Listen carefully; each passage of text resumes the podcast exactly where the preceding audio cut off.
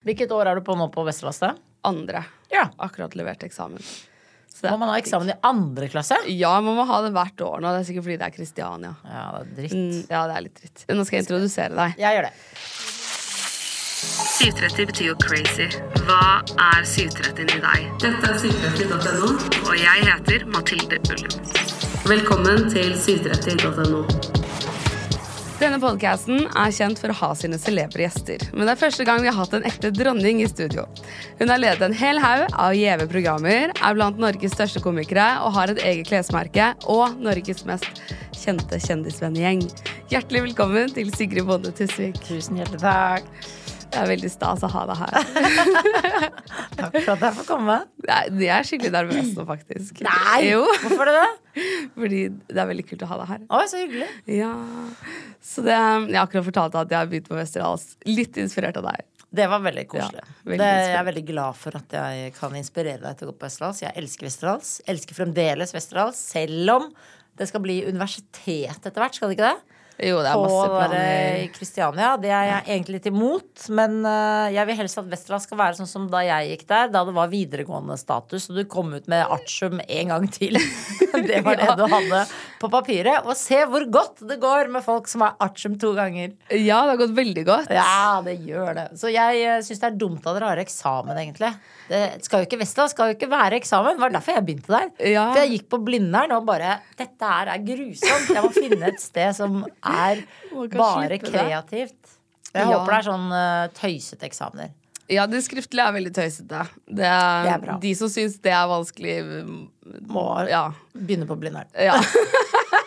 For å kjenne på hva som er vanskelig. ja. For det er ikke vanskelig. Nei. Nå håper jeg ikke at jeg stryker, for det hadde vært flaut. Men Jeg holdt på å stryke, faktisk. gjorde du? Ja, vi hadde også sånn mappeinnlevering. Holdt på å stryke. Ja. Men uh, Vi har det- hatt Else Kåss eh, som lærer, og hun fortalte om en mappeinnlevering hun strøk på.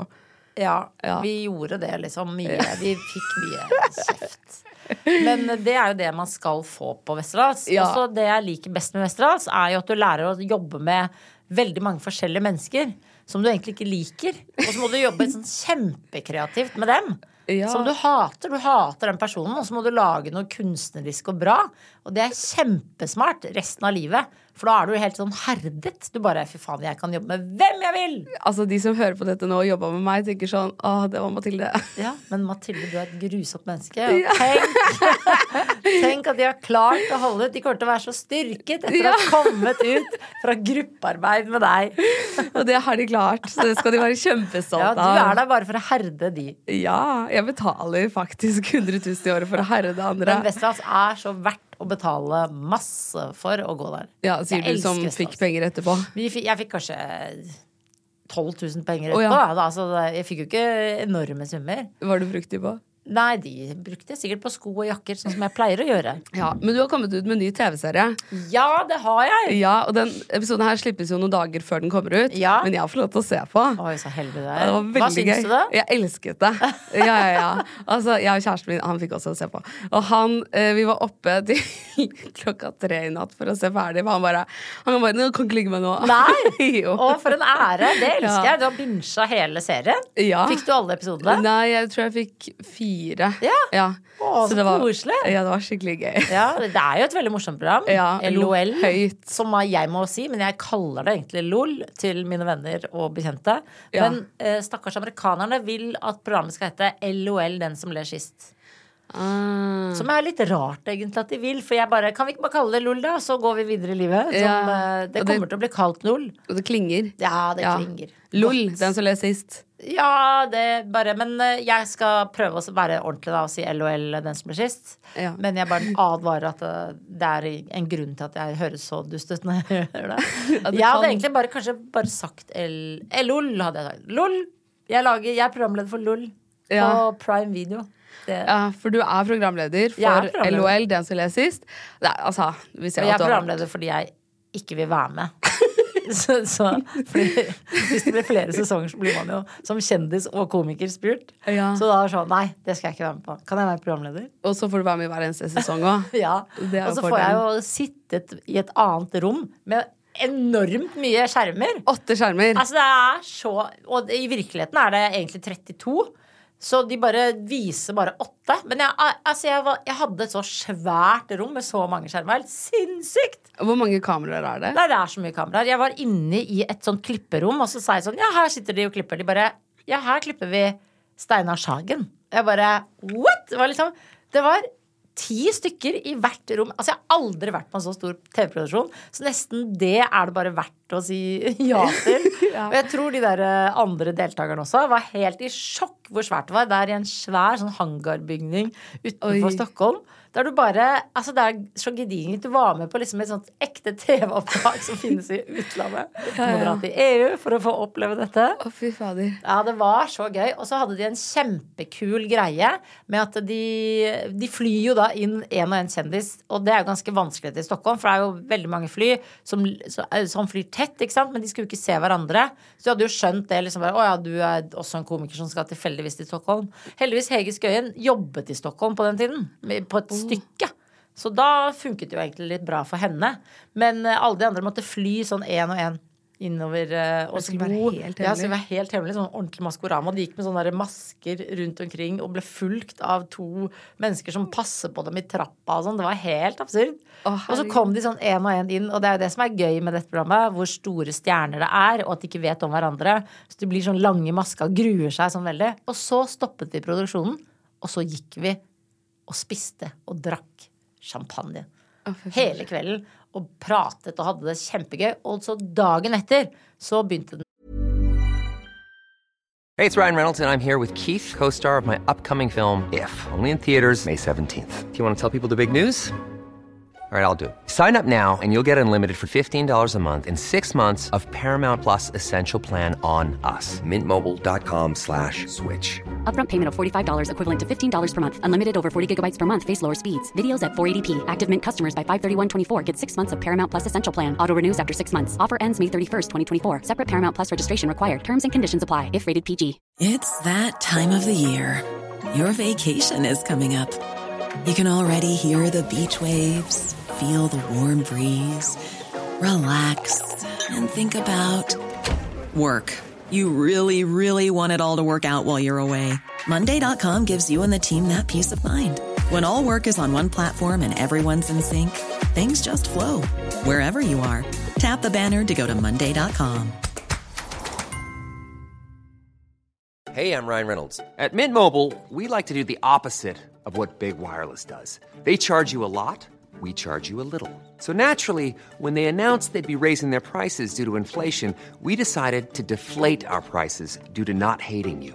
That's right. We're cutting the price of Mint Unlimited from $30 a month to just $15 a month. Give it a try at mintmobile.com slash switch. $45 up front for three months plus taxes and fees. Promo for new customers for limited time. Unlimited more than 40 gigabytes per month. Slows. Full terms at mintmobile.com. Jævlig dagen der vi liksom begynte ti timer med helvete. Oh. Der de skulle angste seg gjennom. Men de vet jo konseptet, liksom. De har jo sett det ja, andre steder. ja. Og de har jo sett det i Altså dette på Prime Video har det jo ligget i fra 16 land, liksom. Ja. Så du kan jo se den canadiske og australske, og det er Tyske, veldig mange kule Ja, kanskje Australia, Canada og Sverige er mine favoritter. Ja. ja. for det er liksom de største seriene på Eller den største serien på Prime Video. Ja. Graham Norton er programleder ja. i England, er han ikke det? Jeg tror det. Skal jeg google? Bare jeg så jeg er helt sikre? Ikke som Graham Norton, men, um, men jeg um, Jeg syns det er gøy at han er det i England. Ja. det stemte? Ja, det stemte. Det var helt riktig. Ja, Så nå får vi ikke kjeft. Men uh, herregud, du er jo litt som Graham Norton, da. Ja, men jeg føler meg jo eh, Som kvinne trenger jeg jo ikke på en måte hoppe etter Graham Norton, men eh, han, det er jo litt gøy at han er eh, programlederen der i England. Ja. Og du er det i Norge. ja. Hva burde jo vært Hvem er som er liksom Graham Norton i Norge? Det er kanskje Else Kåss, da. Ja. ja, kanskje litt.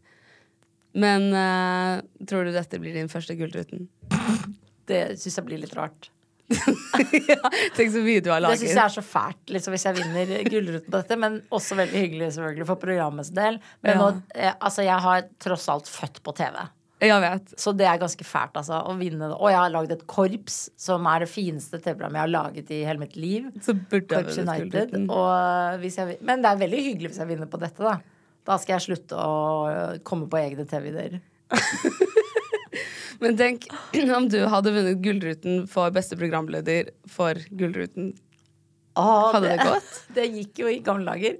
Da Ja. vant altså eh, Jon og Henriette eh, beste liksom, livesending for Gullruten og var programleder for Gullruten og mottok Gullruten. Og det vet du hva, det er det dummeste jeg har sett i hele mitt liv. Så når jeg tok over Gullruten, så sa jeg sånn Jeg håper det er lagt ned, for det er det, det, er det, det er det verste jeg har sett.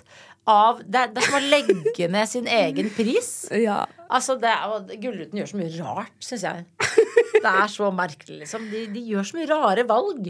Sånn som når, når lysbryteren Ja. eh, i eh, Fra Charterfeber. Charterfeber vant over Solveig Kloppen sin døende mor. Bare, dette er helt sykt. Og Melina kom opp og vant årets TV-personlighet. Og måtte ha følge. Men da, da føler jeg liksom at det, liksom, det står masse sånn Gullruten-folk og graver sin egen grav sånn rett bak Grieghallen. Bare OK, alle oppi her, bare hopp. Og så noen graver igjen. Det er de smartsym fra Westerdals. Så ja, enig. Men så du skal jo aldri Du skal aldri vinne eh, Gullruten for så, Gullruten for Gullruten, for eksempel. Det må man ikke. Der er jeg veldig streng. Jeg er jo generelt veldig streng. Det, det har vi fått med oss. Ja. Det, um, Man må ha visse prinsipper. Ja. Man må ikke like å grabbe til seg alt. nei. det kan man ikke. Nei. Men hadde du takket nei hvis du hadde fått den? Jeg hadde Gullruten? gjort narr av Jeg hadde Ja. tatt den imot og, og eh, roasta som bare faen. Ja. Og klikka og sagt det går faen ikke an Ja. at Gullruten vinner Gullruten. Det går ikke. Men uh, vi må snakke litt mer om LOL, fordi det er veldig funny. Men vi kan jo ikke spoile noe. Nei, Eller men jeg kan jo fortelle Det er jo veldig mye sånn gøye ting. For eksempel Janne Formoe er jo Steinar Sagens kryptonitt. ja. Og det vet, vet man jo ikke. eh, Det kan man jo glede seg til.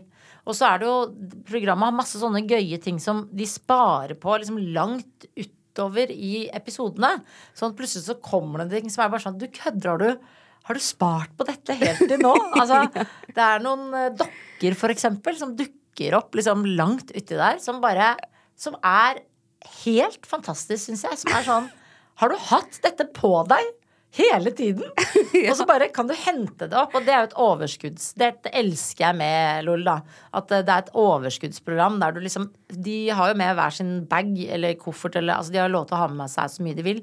Så det er jo så gøy å bare eh, kunne liksom pøse inn med ting. Og gjøre så mye gøy i det studioet også.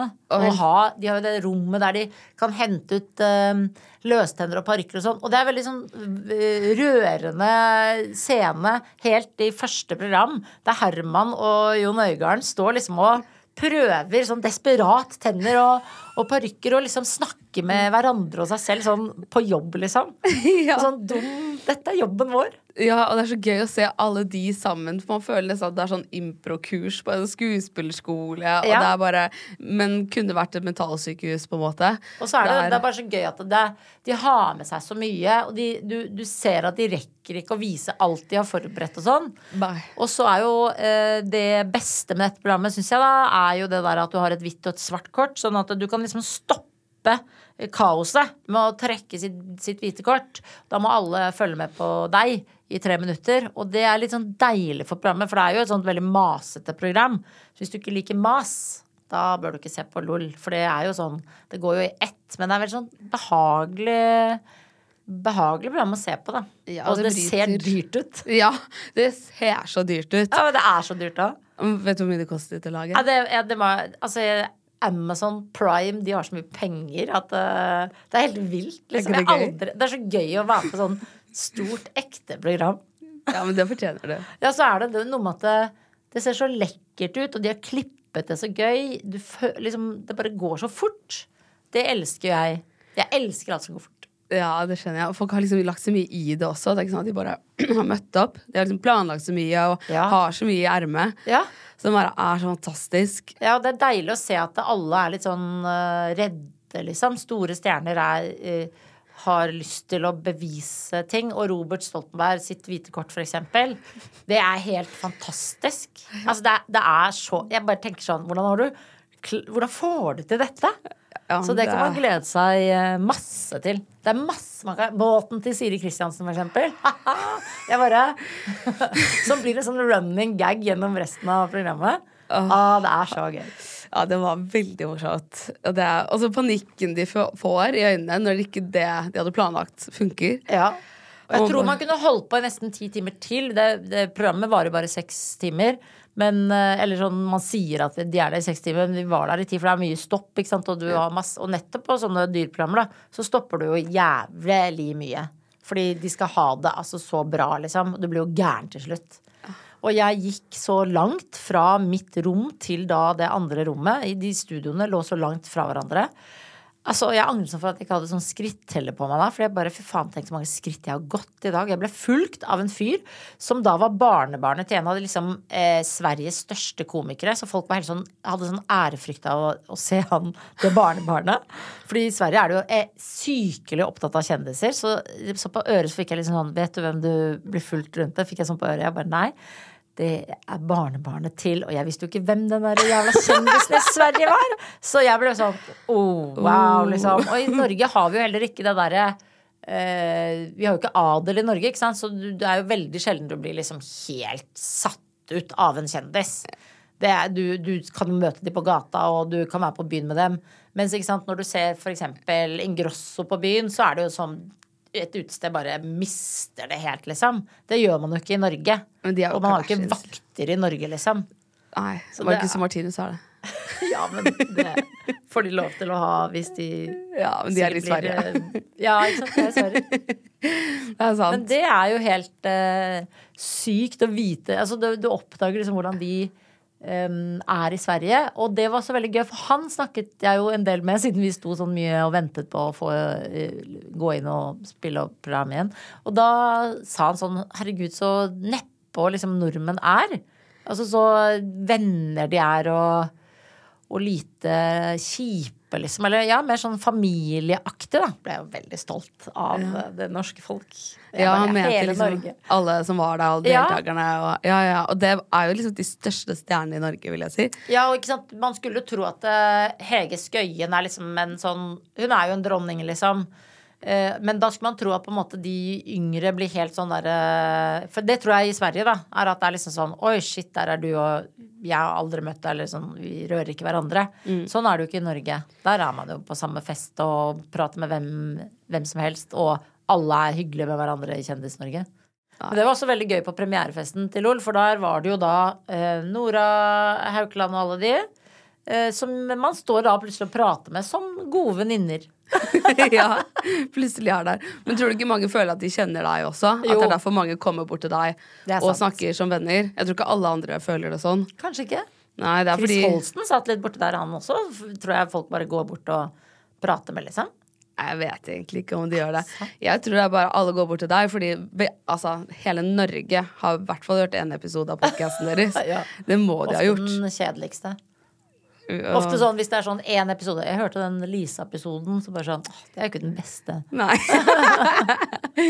det, er bra, man blir da, godt men- kjent, men det er ikke den beste. Ja, men og, man gjør jo faktisk det. Altså, Ja. du, folk kjenner jo Lisa og meg um, ut og inn, faktisk. Så, så det stemmer jo. Vi spiller jo ikke en rolle i vår egen podkast. Ja, og for de som har vært på showene deres, så kjenner man dere bokstavelig talt ut og inn. Ja, ja, ja, er du gal? Uten å Det er jo helt langt inn i rumpehullet, kjenner Ja. man oss. Ja. Ja, du har jo sett alt, faktisk. Jeg kan ikke vise deg mer. Nei! Altså, det er Du har, du har faktisk sett absolutt alt på Ja. hele kroppen din. er ikke det koselig? Det er veldig koselig. Har du nå det bildet i hodet Ja. mens du snakker med meg? Ja, fra tiårsjubileet. Ja, Det er men ikke det litt deilig å kunne sett eh, et ødelagt underliv fra en fødsel? Altså, det er Du fikk arr etter den fødselen. Jeg husker så godt i livet. Jeg husker så godt i podcasten, og så da man tenkte sånn, å, nå har du sikkert fått barn, og så kom du og fortalte etterpå hva som hadde skjedd. Jeg husker jeg bare satt på bussen på vei til jobb, og så hadde du fått den tredjegradsrevningen. Fjerde? Fjerdegradsrevningen. Unnskyld. Master i revning. Mastergrad i rivning. og det var bare sånn Jeg husker jeg var sånn, hva er det jeg hører nå? Jeg bare, det var eskalert og sånn, for det var ikke det man trodde skulle skje. Det bare bygget seg opp. Det Ja. var bare Vent, da. De sa jo til deg ikke, ikke push nå, ikke push nå, og du bare åh, dro ut den Altså, ungen. jeg var så utålmodig. Det er så straff, det. Det er akkurat ikke skal være utålmodig. Ja, for Også, liker at ting går fort. Og hun snudde ryggen til, så tenkte jeg sånn Nå gjør jeg det. Hun vet sikkert ikke hva hun snakker om. Hun bare gjør det. Jeg visste at hun snak- hva hun snakket om. Jeg hadde jo født Ja, før. Så jeg visste jo akkurat hva Og jeg, hadde jo, jeg har tross alt laget et fødeprogram. Jeg vet akkurat hva som kan skje. Så jeg gjorde det liksom eh, Jeg vet ikke hvorfor jeg drev og gjorde det. Ja. Altså, det, jeg var helt sikker på at Jens skulle dø inni der. For du er jo liksom i din livskamp. Og du har kommet til det punktet rett før du får de pressriene. Så kommer du til punktet der du sier 'jeg klarer ikke mer', og da vet jordmor 'å ja, nå er vi snart ferdig med å føde', liksom. Fordi du kommer til det sånn 'det her går ikke'. Mens jeg da heldigvis sto jeg, ikke sant, og så bare kjørte jeg da mine lårmuskler eh, stram, stramt nedover. Ja. Jeg er sikkert sterkest i beina, og det var ulønnsomt. eh, Men veldig deilig, for han var jo frisk og rask og er veldig snill. Jens er utrolig snill, og jeg tror det faktisk er fordi han har ødelagt mora si nedentil. Totalt. Ja, for du revna jo Og han, jeg vet hva jeg tror? At jeg tror han liksom inni seg kjenner på 'jeg må være et snilt menneske'. Åh, Så det er jo kjempebra. Tenk å få en så snill sønn fordi du revner eh, fra huet og ræva. Alle menn burde Alle menn bør fødes Ja. sånn og bli snille. Da det er fred på jord, faen meg, fra første sekund.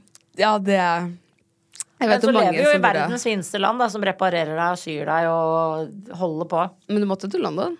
Nei, det var uh, Lord of the Rings som ringte, som anbefalte meg da Ja. han var venn av mamma og pappa, eller gift med venninna av mamma, som sa han bare du må du må operere på nytt, liksom. Du må inn på sykehuset. Ja. For han var nede i Afrika og syr igjen eh, kvinner som har det jo helt forferdelig. Ja. Eh, så jeg er jo veldig heldig som bor i et land der eh, de bare ja, ja, vi syr deg. Men jeg kan ikke føde mer, da. Nei. Nei Men det har jeg ikke tenkt heller. Det orker jeg ikke. Nei. Men du har fått din kjæreste? jeg har fått eh, lille Jens og Jenny. Ja, og det, han har ikke tenkt å få barn med. Nei, nei det, jeg hadde ikke tenkt å spørre. Men det er, er det ikke sånn man ikke skal spørre om? Eh, Jeg spør jo om alt, jeg har jo ingen grense på sånne, sånne ting. Jeg, jeg mener jo at det er veldig rart at man har den regelen, og så er det sånn eh, det er for lite åpenhet om spontanabort og eh, sånn, men du skal aldri spørre. Så bare, dette henger ikke på greip. Enten må vi på en måte bare fortelle, og så Ja. må vi bare si det sånn uten at det er noe skamfullt, mener jeg, da. Ja. Og si sånn, ja, så spontanaborterte jeg 953 ganger. Og så folk sier ah, ja, det er hardt, ass. Ja, det er det, ass. Liksom. Mens hvis, eller sånn, eh, er du gravid? Så kan man også si jeg prøver sånn bare faen, jeg orker ikke å snakke om det. Istedenfor mm. sånn det skal du ikke spørre om. Fordi det blir ikke noe åpenhet rundt ting som det skal du ikke spørre om. Det er sant. Og så er det ja, jeg prøver å bli gravid, liksom. eh, Og det er et helvete, og jeg hater det, liksom. Kan man jo heller da si, mener jeg da. Ja. Og jeg kan ikke snakke om det, for da begynner jeg å gråte. Det kan vi lære oss å Å si høyt? Ja, det Ja. syns jeg vi skal gjøre. Men det, man blir jo litt liksom stressa over hvordan folk skal reagere da, hvis du sier Nei, jeg kan ikke snakke om det, da begynner jeg å gråte. Ja, det er jo kjempefint. Ja, ja men da blir jo folk litt De fleste Stressa. som sier det, det har jeg sett på Instagram, de som sier sånn Å, nå begynner jeg nesten å gråte. Gråter jo veldig sjelden. De bare sier det. Ja. det er sant. Det er kokettering. Ja. ja, det er jo kanskje det. Det kommer ofte litt sånn tårer, og så blir det sånn Ja, kom igjen, nå gråt, da! Sier, Å, nå begynner jeg nesten å gråte. Jeg begynner å gråte. Ja. Og det er veldig sunt å gråte. Så det er jo Du vasker hjernen. Ja. Så du må gråte mer. Og når da tårene kommer, så må du egentlig bare si ja, nå, nå tror jeg jeg tar meg en liten gråt her. ja. Det er deilig å gråte, da. Det er så deilig. Jeg gråt så mye med Korps United. Da gråt jeg jo Altså, jeg gråt og gråt og gråt. og gråt. Det var så deilig. Ja, det Man gråter når man så på det. Mm. Men du har fått ny kjæreste, Ja. og du tok med han på premierefest Ja, til. LOL. Ja. Det som lest sist. Han var veldig kjekk eh, i dress, og jeg sa sånn Beklager, du må nesten ut på rød løper. Eller blå løper, som det var da. Så da Og du var veldig fin. presset jeg han til det. Så gikk vi inn igjen. Ja. Fikk han lov til å være Og du var jo veldig fin i den kjolen. Ja, ja. Altså, det var jo en kjole som jeg hadde Som jeg prøvde å ha på Gullruten mange år. Og så ble Linnea Myhre ble fridd til i en veldig lignende kjole. Så da var det sånn Nei, den kan vi ikke bruke, for det ser ut som vi liksom bare den, den hadde alle sett. Ja. Og det er jo veldig gøy. å- Og nei, den er brukt opp. Så da, kunne jeg, eh, da kunne jeg da For dette er en Notes to Nore-kjole, som jeg da kunne plutselig hente opp nå. Den passet perfekt denne dagen. Så En gifte iskald eh, desemberdag. Ja, Men det er ingen som gifter seg i paljett, kanskje. jo, sikkert. Det er mye perler og sånn. Men Ja, ja. Men får spørre fabric-jentene. ja. Når kommer paljett inn i ja. brydekjolene? Men vil du fortelle litt om kjæresten din? Nei, det er jo egentlig ikke så mye å si. Pluss at jeg har lært av min egen eh, gammel erfaring. Kan ikke drive og snakke om det. Og så er jeg jo ikke egentlig så opptatt eh, av det. Av Av sånn å snakke om kjæreste hvis ikke det er noe gøy. Ja. Så det var jo på en måte i gamle dager, når jeg kunne melke mitt eh, ekteskap, så var det jo de gøye historiene. Det var jo ikke sånn kjærestehistorie. Da blir jeg veldig Hvis Lisa kommer og forteller en sånn vanlig historie, så kritiserer jeg jo henne veldig ofte for det. Fordi det må være noe unikt og spesielt, og noe vi kan le av, og, og så må det være liksom overskudd. Og Ja. det har jeg ikke her. Ikke noen gøye historier. Så det er bare sånn blødbete kjedelig, det er koselig, og jeg er forelsket-aktig. Men det er hyggelig, da. Ja, det er kjempekoselig. Vi unner deg det. Og jeg er jo veldig opptatt av å ha kjæreste, det må jeg bare si. Jeg er jo eh, helt desperat etter kjærlighet og å ha kjæreste, Ja. faktisk. Ja, du har jo hatt mange Ja, jeg løper ut og prøver å få meg kjæreste med en gang jeg ikke har kjæreste, for jeg er veldig glad i å ha kjærester. Og så syns jeg synd på de som ikke har kjærester, og som har kjempelyst på kjærester, for eksempel. Og så syns jeg det også er litt rart. Jeg tror du må bestemme deg litt for um, at du ikke Du kan ikke ha alle de kravene, liksom. Det er mye sånn rare krav. Sånn Nei, det, han kan ikke være skalla, liksom. Så tenker jeg sånn Det kravet kan du faktisk ikke ha. Se på deg sjæl. ikke det at det, veldig mange jenter er skalla, men det er sånn Jeg føler at mye jenter har sånn derre Nei, hvis det ikke er Herman Flesvig, så er det ikke noe vits i for meg, liksom. Ja. Sånn, er du klar over hvor mye gøye gutter det er der ute, som er dritmorsomme å henge med, og som ikke er kjempekjekke, men som er kjempefine menn? Og du kan ikke ha noe egentlig krav annet enn connection, da. Og det å lukte inn i halsen her, og hvis du, hvis du liksom kjenner at kroppen din bare Ja, ja, dette er en mann jeg kan snuse inn, da er det bare å kjøre på. Var det det du gjorde? Ja, jeg snuser alltid inn i nakken til menn jeg holder på med. Ja. Det er smart, det. Får vi vite hvordan dere møttes? Men det er Jeg glemt å spørre han om jeg kan si. Nei, da må jeg spørre. Nei, da jeg jeg kan ikke si det. Ok, du kan ikke si det. Jeg må prøve å være voksen. Ja, okay. Og holde meg fast. Jeg må prøve å holde meg fast. Jeg kan ikke si den. Nei. Det er ikke noe hemmelig, egentlig, men jeg, jeg prøver å ikke Jeg går på en smell, da. Ja. Nei, vi skal ikke ødelegge noe her heller. Det hadde vært, det hadde vært så kjipt. Ja, og så tenker jeg jo at eh, han har jo egne barn og sånn. Da må man plutselig ta litt ah, eh, ah, ansvar for andres mennesker. Ja. Han har jo en familie da i bånn. Ja. Så da kan ikke jeg bare sitte som sånn løs kanon, fordi det tror jeg ikke de Altså det syns jeg ikke de skal eh, måtte streve med, da. Ja, måtte At, plutselig eh, gjennom. Jeg, jeg, for jeg er jo ekstremt frittalende og tett som en sil, som pappa pleier å kalle meg. Så jeg klarer ikke å holde på hemmeligheter og sånn. Men nå tenker jeg liksom at man kan heller være litt grei med Altså at han har barn, liksom. Da skal ikke de har, eh, må forholde seg til meg, egentlig, i det hele tatt. Men så spennende. Da blir du stemor. Det, nei, det har jeg ikke tenkt på. Herregud. Nei, det, det føler jeg ikke at jeg eh, blir. Nei. Nei, for jeg bor jo ikke med dem. Nei. Så da det, må man ikke bo hvis man skal være stemor. Jeg vet ikke. Kjæresten min har barn, og jeg syns at jeg er stemor fordi Men bor du med dem, da? Nei. jeg er nesten like gammel som de. Å, Så det, ja, det er litt sånn alle elsker dame situasjon Ja. Men Veldig voldsomt, da. Ja, det er voldsomt. Ja. han eldste er sånn 22. Å, shit. Og hvor så gammel er du? 30. Ja. Så Men da, skal du ha barn, da? eh, Det er veldig mange som spør om det. Ja. det vet jeg ikke. Nei. Jeg har ikke bestemt meg. Prøv, prøver du? Nei. Orker ikke snakke om det? Eh, Da begynner du nesten å gråte. det er hadde, det hadde vært gøy hvis jeg begynte å gråte nå. Ja, men det hadde jo ikke gjort noe, da. Det er jo bare veldig hyggelig. Ja, Å det, si åh, dette er et helvete. Men det er jo, jeg elsker at vi lever i en tid der man sier jeg har ikke noe lyst på barn. Jeg. Ja. Og så er det bare sånn nei, så digg for deg. Ja. At man er jo ikke noe skuffa da sånn herre min hatt, er du helt sjuk i huet? Det må du få. jeg tror det er mange som tenker det, da. Men, eh, men Det må de slutte med. Ja, når jeg er med de, så tenker jeg sånn Jeg har kanskje ikke så lyst på Nei da. Man ser jo på folk og tenker du burde jo ikke hatt barn. Så, Ja. det er jo veldig Og så det er jo masse gøy å gjøre i verden uten barn. Mm. Så, så lenge man liksom um, Jeg trenger jo barn, men jeg vet jo inni meg selv at jeg trenger barn. Så det vet man ofte. Liksom Ja. inni seg. At man eh, Jeg må ha barn for å ha det bra. Ja. Du er flink til å få det. til å funke òg, da. Ja, det må man jo. ikke du tatt de med overalt òg? Jeg tar med Ja. meg overalt. Var det ikke sånn rett på ny jobb etter fire uker med ungen i Jo. Ja. Det er jo helt rått, da. Ja, men det er jo da får, ellers så får du ikke vært sammen med barnet ditt. Og så er det veldig koselig liksom å Ja. gå rundt med de små klumpene. De er veldig enkle helt i starten. Ja. Så blir det verre liksom når de er fem år å ha de med. Da må du planlegge litt og ha med barnevakter og holde på. Ja, ja. For jeg orker ikke være sånn eh, komiker som har sånn barn i salen som kommer kravlende opp på scenen og sånn. Det får jeg ikke lov til. Så de har aldri fått lov til å se et show. Nei, så de sitter liksom De sitter bak. backstage eller Ja. på et hotellrom med en barnevakt. Tenk at de har vokst opp backstage. Ja, men de får heller ikke så ofte lov til å være backstage, fordi liksom jeg tenker at det er kjedelig for dem. Det er Ja. mye hyggeligere å være da med en barnevakt i et badeland eller et eller annet sånn, eller gjøre noe sånn gøy Ja, i de byene vi er i.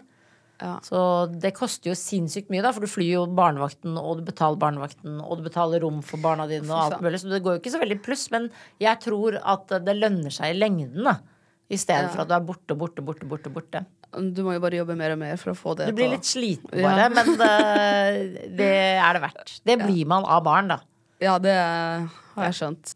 Nei, men Du gjør det jo fordi du elsker barna dine, og du har jo laget dem. Du må jo gjøre ting for dem. Altså, det er jo, jeg syns det er så rart med foreldre som er sånn Nei, det gidder jeg ikke å gjøre. Bare, Hvorfor gadd du få barn? Ja, ja det Så du sant. vet at du skal bli sliten, og så vet du at du skal Men du må jo kjefte på deg mens du gjør snille ting, da. Ja. Så jeg pleier jo alltid å, når barna er hjemme hos meg, så liksom vasker jeg Jeg venter med å vaske og støvsuge til de kommer hjem.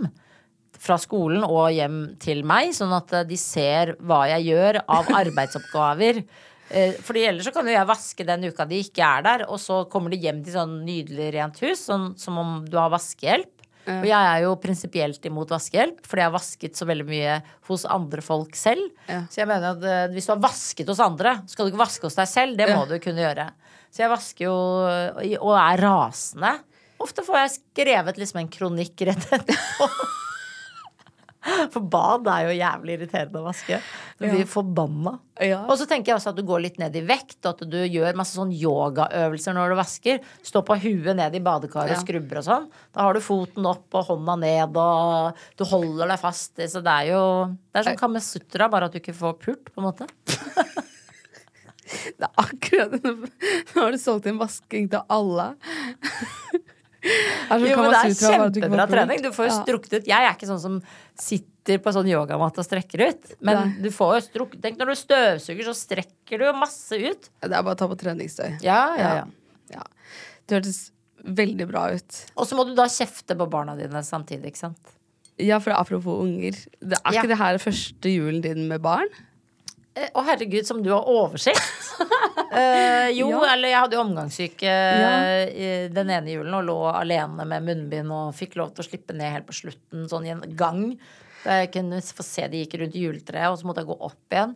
Så ja, det er min første sånn gøye jul. Jeg tenkte så mye jul. på deg den julen, faktisk. Er det sant? Ja, fordi det var jo første julen etter samlivsbruddet. Ja. Og det var da du skulle ha barna for første gang. Ja. Og så var det covid og smittehelvete, og det var, Det så, var det var så, så lockdown. Det var så strengt. Ja. Og så skulle du feire jul aller første gang, så var det norovirus og covid, og måtte være oppe alene. Jeg var sånn, fy faen, verden er ikke snill mot deg. Nei, det var så slem. Altså, det var så hardt. Og så satt du og visste at neste jul så, Så er det ikke noe jul. Ja, nei, det var helt forferdelig. Og nei, det er grusomt. og er Og, jeg er jo veldig sånn barnslig julemenneske. Eh, så det jobbes jo hardt med jul helt fra november. Og så er jeg jo eh, ekstremt Det er jo derfor jeg har barn, liksom. Fordi jeg, jeg har alltid hatt sånn skrekk av å sitte som 54-åring uten barn på julaften. Så jeg har alltid sett for meg det, liksom. Jeg må ha barn som bare surrer rundt og krangler og holder på. Jeg er ikke så opptatt av at man skal være snill med hverandre. Eh, altså til et visst punkt, men det er lov å bite Ja, i skulderen. Men da starter du krig. Ja, da starter du en krig. Eh, så i år så, så har jeg da hele jula å kose med det, det. Så det blir koselig. Og så er det veldig gøy med at Jenny og Jens em, eh, elsker å være på nyttårsaften med den søppelgjengen, som jeg kaller dem. Else Kåss og Odda og Kjendisvenngjengen din. Ja. Og, det, og da ble jeg så glad for at Jenny og Jens Jeg elsker å være sammen med dem. Og feste med dem. Ja, for det er en stor gjeng. Ja, og så pluss at eh, man får jo en veldig sånn uh, gøyal um, Altså, det, det er fint at barn tåler den gjengen, og vi er jo veldig bråkete edru også, så jeg tror det er derfor de tåler det. For hvis eh, voksne liksom blir veldig sånn annerledes når de begynner å drikke bobler, så tror jeg eh, barn kan få litt traumer. Mens jeg tror at barna mine er sånn De får traumer hvis ikke de er med på nyttårsaftenfesten. Ja. Det er sånn vi starter det nye året. Ja. Ja. Det, ja, Så det, det er veldig koselig. være med på, da. Men det, ja, det, er min første, det har vært min første jul med barna. Og det er skikkelig koselig. Har du gledet deg mye til det? Ja. Ja, det skjønner Og det har, altså, det har vært så mye pakking før jul. Med sånn, Uh, jeg prøver jo å lære dem liksom det at det, er, det skal nesten være dyrere utenpå gaven enn inni. Uh, at du må bare Det må liksom bugne. Og, bare, og la det være stygt. Liksom ikke sånne fine pakker, da. Det må være stygge, bråkete pakker. Sånn Toys R Us-papir Ja, overalt. Ja.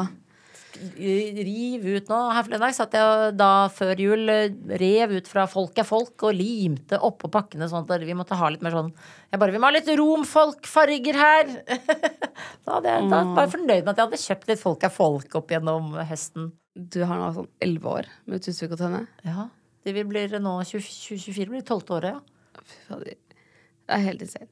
Men eh, elleve år, dere har liksom snakket om samlivsbrudd, utroskap, eh, barn, alt mellom himmel og jord hver eneste dag. Føler liksom noen ganger at dere ikke vet helt hva dere skal snakke om. Nei, aldri. Nei, Det er alltid noe, liksom. Ja, og vi, det er aldri pes å lage Tusvik og Tønne. Det har alltid vært gøy. Fra første dag. Og så deilig. Ja. Det er, bortsett fra hvis Lisa begynner å snakke om at vi skal ha spalter eller ringe og sånn. Det liker ikke jeg. Jeg vil bare ha prat. Ja, du vil bare ha snakke fritt. Jeg vil bare ha prat, og at ikke det klippes. Ja, at man skrur på rekk, og så er det Ja. Det er samtale, liksom. Er en elleve år lang samtale. Som aldri tar slutt. Ja, Den tar aldri slutt. Vi har mange har mange ting liksom- vi har glemt å fortelle fullt ut. Så Ja. til slutt så må dere som har hørt på, si sånn Men hva var poenget med den historien i 2012? Og hvem var den personen? Og, Ja. Og da Ja. har vi nok svaret. Vi bare ja, faen, det var bra dere Ja. minte oss på. Å ja, visste dere ikke det? Ja. Ja, men eh, hvis man var på tiårsshowet, så fikk man jo med seg Fikk man jo se noen av disse navnene som går igjen og sånn. Ja. Så det var jo litt stas. ja, det er veldig koselig, det, da. Ja. Og da fikk man litt inside information. Ja, så har vi jo um, Det er jo veldig gøy å ha lagd um, standarden på alle podkaster i Norge. Og så liksom lagd Vi har bestemt at alle skal ha tre ord i tittel. Ja. Vi har mange lagt som har her- opp liksom, hva hva man forventer av en eh, ærlig samtale. Um, og jeg tror det er på en måte suksessen, er jo nettopp at vi alltid har vært ærlige, aldri lagt skjul på noe, aldri Og at vi heller ikke bryr oss så mye om hvem som lytter. Vi liksom bryr oss om hverandre. Eh, og det er ikke så viktig på en måte det, Vi har ikke vært opptatt av å vokse og tjene penger på det og sånn. Det har jo kommet av seg selv. Fordi, og det var jo takket være at alle begynte med podkast. Ellers hadde vi jo sittet der da fremdeles på ellevte året og ikke tjent en skitt. Så vi var jo fem år der vi ikke tjente noe. Og vi møtte stadig vekk Thomas Hertzen som spurte oss sånn derre Tjener dere noen penger på det? Tjener dere penger på det? Så møtte vi liksom Bård Tufte. Tjener dere penger på det? Tjener dere penger på det? Altså det var så mye sånne voksne menn som drev og snuste på podkast, men siden det ikke var noe penger i det, så gadd de det ikke. Og Ja. da vi bare Det er jo ikke derfor vi podkaster. Herregud, du kan tjene penger på firmajobber! Det er jo, Hvorfor skal du tjene penger på podkast? Men dere holdt på ganske lenge uten det var noe reklame eller noe ting. Ja. Og det, I hvert fall i fire-fem år, liksom. Ja. ja. Men dere kunne jo sikkert ha tjent litt på det. Men, og så begynte vi å tjene litt på Ja. det, da. Og så kom jo eh, Acast og masse liksom, firmaer fra. Sverige Ja. og på en måte også um, viste hvordan det skulle være. Og så har jo Podme og Podimo alle kommet. Og det er jo veldig ryddig, egentlig. Det er en sånn fin måte at det ikke er helt cowboystemning. Ja. Så det skal man egentlig omfavne. Jeg skjønner at folk blir gal av det der abonnementsgreiene. Men verden er liksom dessverre sånn, da. Du abonnerer på musikk, du abonnerer på TV-serier. Og du må også abonnere på podkast. Det må man på en måte skjønne. Ja. Og med i hvert fall Podme der hvor vi er, så får du jo liksom med VG og Aftenposten i tillegg, føler jeg. Så da Det er jo ikke rart, på en måte. ja. Men er det noen ganger dere angrer på at dere har gått inn der? Nei, fordi du, du Alle er bak en mur, på en måte, og framtida er bak en mur, så det er sånn rart. Og vi har alltid vært eh, foran i skoa, så det hadde vært veldig rart for oss å ikke være foran på det.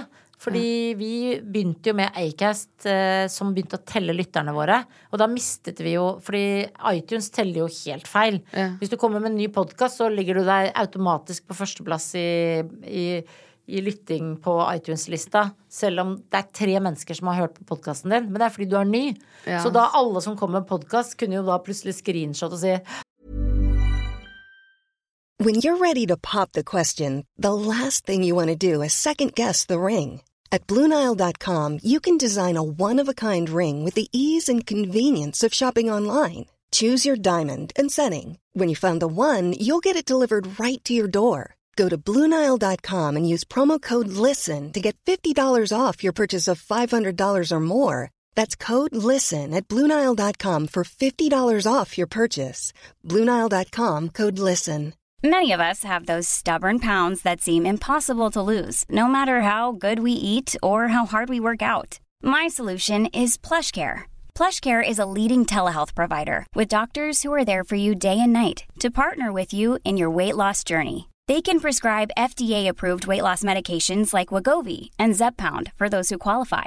Plus, they accept most insurance plans. To get started, visit plushcare.com slash weight loss. That's plushcare.com slash weight loss. Here's a cool fact a crocodile can't stick out its tongue. Another cool fact you can get short term health insurance for a month or just under a year in some states. United Healthcare short term insurance plans are designed for people who are between jobs, coming off their parents' plan, or turning a side hustle into a full time gig. Underwritten by Golden Rule Insurance Company, they offer flexible, budget friendly coverage with access to a nationwide network of doctors and hospitals. Get more cool facts about United Healthcare short term plans at uh1.com. Og jeg ligger på førsteplass på topp ti-lista på podtoppen i Norge, liksom. Det gjorde du ikke. Så vi begynte jo å telle våre lyttere sinnssykt strengt, sånn som man gjorde i Sverige. Og mistet jo egentlig da masse lyttere på det, sånn på tall. Men det var jo nettopp fordi vi var opptatt av å gjøre det riktig og kunne fortelle da de annonsørene våre riktig tall. Fordi du, kan, du kan ikke sitte og ljuge til annonsørene og si vi er på førsteplass på, på podlista på iTunes. For det er du ikke. Du har ikke lyttere selv om du er på førsteplass. da. Og på Spotify Og også, det er det jeg ekstremt opptatt av. At du må tåle å straffe deg selv for at det skal, skal være ryddig. Uh, og du må være også med på der det skjer. Og hvis du står utenfor da, så det blir på en måte litt feil. Pluss at Podme er jo var jo grudde seg noe vanvittig til å ha inn Tusvik og Tønne, fordi vi har jo et rykte på oss at vi er helt løs kanon på dekk. Og de bare ja, nå må dere følge Vær varsom-plakaten. Det er ikke et, en eneste episode der vi bryter Vær varsom-plakaten i Tusvik og Tønne. De klipper aldri i Tusvik og Tønne fremdeles en dag i dag. De klipper det hvis det er sånn derre eh, Dere sa hun var gravid, vet dere at hun er gravid? Nei, jeg bare sa det, sier jeg da. Ja, det tror jeg faktisk ikke dere kan liksom bare si. Ja. Å, ja, ja. Og det er jo ikke noe viktig. Mens de tingene som liksom vi faktisk mener, som er liksom politiske meninger, eller om mennesker som det har stått om, som vi mener liksom hardnakket Dette er et menneske, det og det og det må skjerpe seg. Da. Som ofte er da vi har fått kjeft. Og folk tror at det er da vi har brutt en Vær varsom-plakat. Og ment noe voldsomt eh, rundt det. Alle disse jævla medieviterne og ytrerne som da skal sitte der på sin høye hest og si at vi bryter masse. Så viser det seg vi gjør ikke det. Dere har ikke gjort det? Nei, men det, det høres sånn ut. Og sikkert. Og så er det bare Ja, altså Det er jo Vi, vi følger vår tid også. eh, Om man eh, Ikke sant, Når du hører gamle Tusvik og Tønne-episoder, så er jo ikke det det samme som nå. Det er fordi tiden har forandret seg. Så du forteller jo ikke de samme tingene. Det er jo som å, å si N-ordet, liksom. Du sier jo ikke N-ordet lenger, men du sa jo sikkert N-ordet i 2005, da. Fordi du visste ikke at man ikke skulle si N-ordet. Ja. Og det, det er, du bare følger jo med tiden. ja, det er sant. Det er jo mye som har skjedd. Ja, Og til slutt så legger sikkert ikke jeg ut bilder av barna mine heller på sosiale medier. det er litt trist, da, men Ja, men det gjør du fortsatt. Ja, fordi jeg syns det er så gøy. og så er det bare så sånn, er du klar over AI kan komme og ta dem og lage lage kopier av dem. Og jeg bare ok, bring it on. Internett. jo, men det mener jeg. Du kan jo få en regning i posten, og noen kan ta den regningen og stjele identiteten din. Altså, jeg skjønner at det er lettere nå, men uh, vi må finne en løsning på det, annet enn at folk driver og har sånn derre Hello Kitty-emoji over ungene sine og sånn derre smilefjes. Og jeg ser sånne komikere ta, liksom legger ut og er så frittalende. Og så så, når de har bilder av ungen sin, så er det liksom smiley over. Så tenker jeg sånn Kan du ikke heller bare ta et bilde som ikke har med ungen din, da? Ja. De Ja, kommer det- til å bli psykisk syke, de barna. Jeg lover deg. De kommer til å scrolle gjennom livet sitt, og så kommer de til å si 'herregud, var dere ikke glad i meg'? Hvorfor har jeg sånn stygg, gul smiley? Hvorfor har jeg katt? Jeg har katt over fjeset. Men hvorfor kan de ikke bare ha et bilde uten? Ja, ta et bilde uten. det ser så stygt ut med denne emojien. ut. Det ser ut som du syns at ungen din er stygg. Eller så ser det ut som sånn 'Å, jeg, jeg har skjønt noe' eh, jeg, jeg vet ikke hva det er. Jeg bare tenker Du har tusenvis av bilder. Ikke ha akkurat det bildet der du holder ungen din. da Altså, de emojiene er så stygge ja, men, på Og det. et Ja. fint emoji. Er du ikke Ja, enig? ja. Bare Oi, du tok sånn gul katt. Ja. Eller bare Ja, du tok sånn den derre dølle emoji med hjerteøyne. ja. Det ser ikke noe bra ut, liksom. Det Nei, hjelper ikke. ikke. Nei, det Og det eneste du sitter og ser på da, er jo det.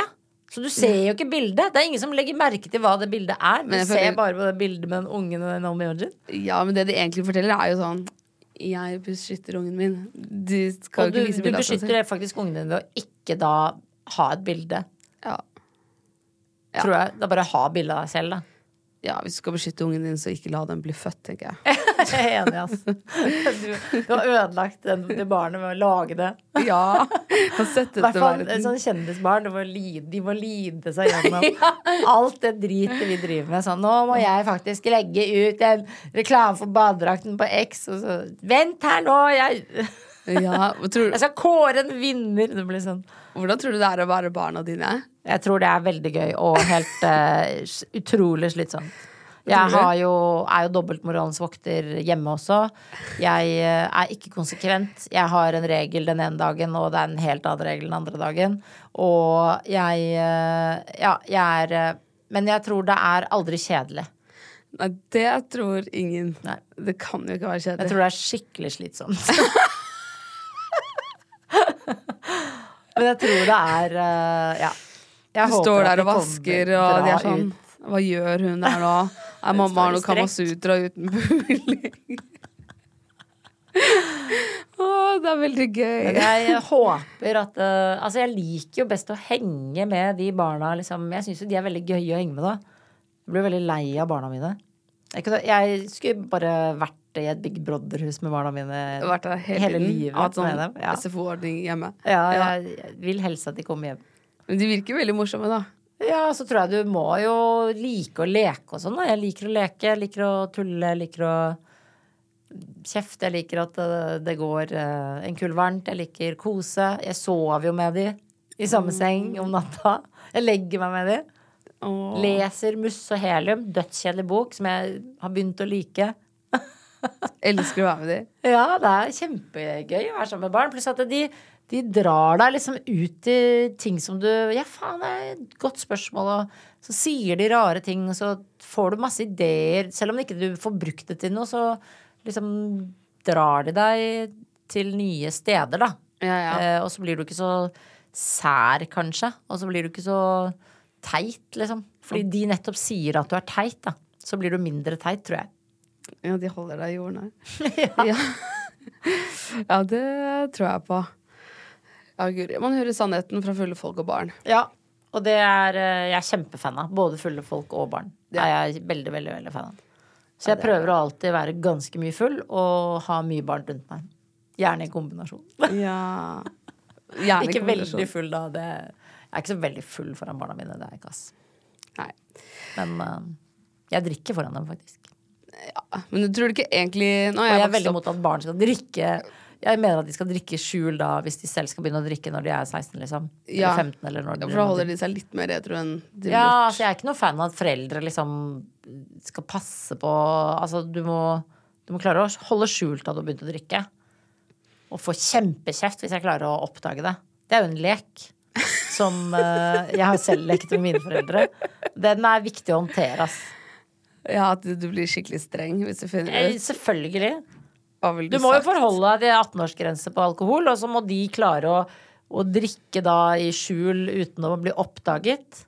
Ja. De kan godt si sånn hvis de er lei seg og sånn, men så må du jo lære dem at det er dritfarlig å være drita. Du kan bli pumpa, du kan bli voldtatt, du kan uh, bli banka opp, du kan bli rana. Så du må jo lære dem farene, da.